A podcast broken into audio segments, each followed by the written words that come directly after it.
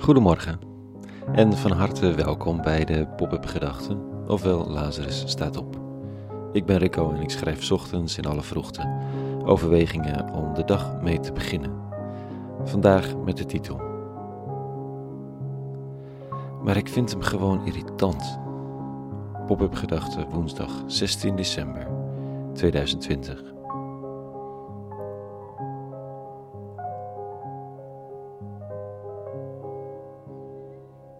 Iemand kan zulke mooie dingen doen.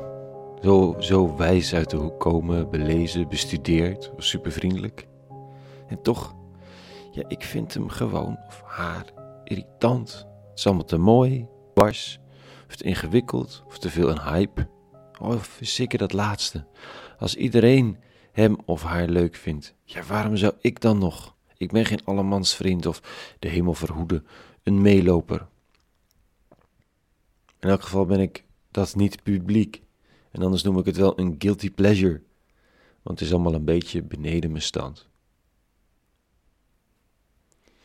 Blijkbaar is dit niet een moderne of een postmoderne afwijking, want, maar hoort het gewoon bij de mens. Want in het jaar nul zijn de mensen ook niet geheel verschoond van dit soort neigingen. De rabbi zelf, de Messias, de komende, of hoe je het ook noemen wilt, komt in dergelijke situaties terecht. Het is Johannes de Doper, zijn beroemde voorloper, de woestijnheilige die in de woestenij mensen doopt om ze op te roepen tot inkeer, verandering, zuiverheid, die blijkbaar opgeroepen moet worden om door de persoon heen te kijken. Dit staat er vanochtend. Bij Jezus aangekomen zeiden de mannen tot hem: Johannes de Doper heeft ons naar u gestuurd om te vragen: Bent u de komende of hebben we een ander te verwachten? Op dat ogenblik genas Jezus veel mensen van ziekte, kwalen, boze geesten, schonk een groot, groot aantal blinden het gezicht. Hij gaf hen dit antwoord. Ga aan Johannes zeggen wat gij gezien en gehoord hebt. Blinden zien, lammen lopen. Melaatsen worden gereinigd, doven horen, doden staan op. En een armen wordt de blijde boodschap verkondigd. Gelukkig hij die aan mij geen aanstoot neemt. Jezus is nogal een druk bezette wonderdoener. Om hem heen gebeuren allerlei miraculeuze zaken, voor ons moeilijk te geloven en ons voor te stellen. Ook omdat er geen referentie van is in de werkelijkheid. Tenminste, ik heb geen idee. Er zijn wel van die gebedsgenezes met grote shows waar mensen dan soms genezen worden, maar het doet me toch weinig denken aan wat de man van Nazareth deed, volgens de verhalen. Het beeld is op zich wel helder. De eeuwige vindt zijn weg tussen mensen en wat verspreidt hij dan? Genezing, heling, ordening, herstel. Dat is volgens de teksten de drijvende kracht rondom ons. Een energie, een persoon, een aanwezigheid die heelheid op het oog heeft.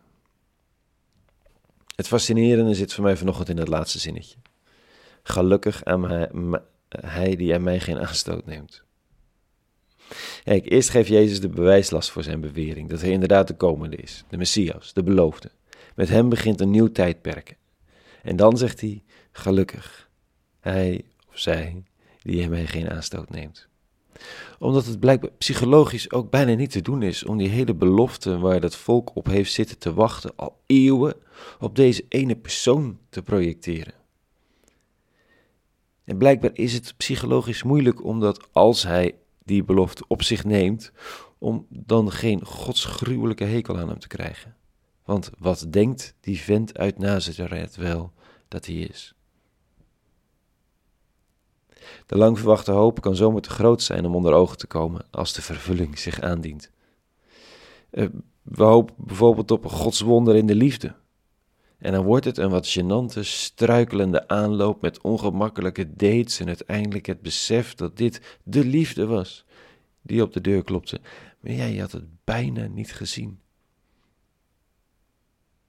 Lukt het me om, om door mensen heen te kijken, naar wat ze doen, naar wat er om hen heen gebeurt?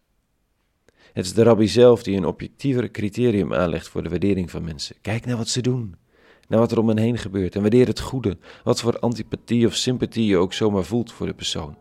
Laat de werkelijkheid van iemands daden ook tot je spreken. Het is niet vanzelfsprekend om die man van Nazareth te erkennen. Net als het niet vanzelfsprekend is om buiten je bubbel, buiten de verwachte denkkaders, goedheid te erkennen en herkennen. En toch is het essentieel. In de wereld van de eeuwige, die de onze is, komt het goede meestal onverwacht opduiken. soms zelfs gewoon in onszelf, zomaar.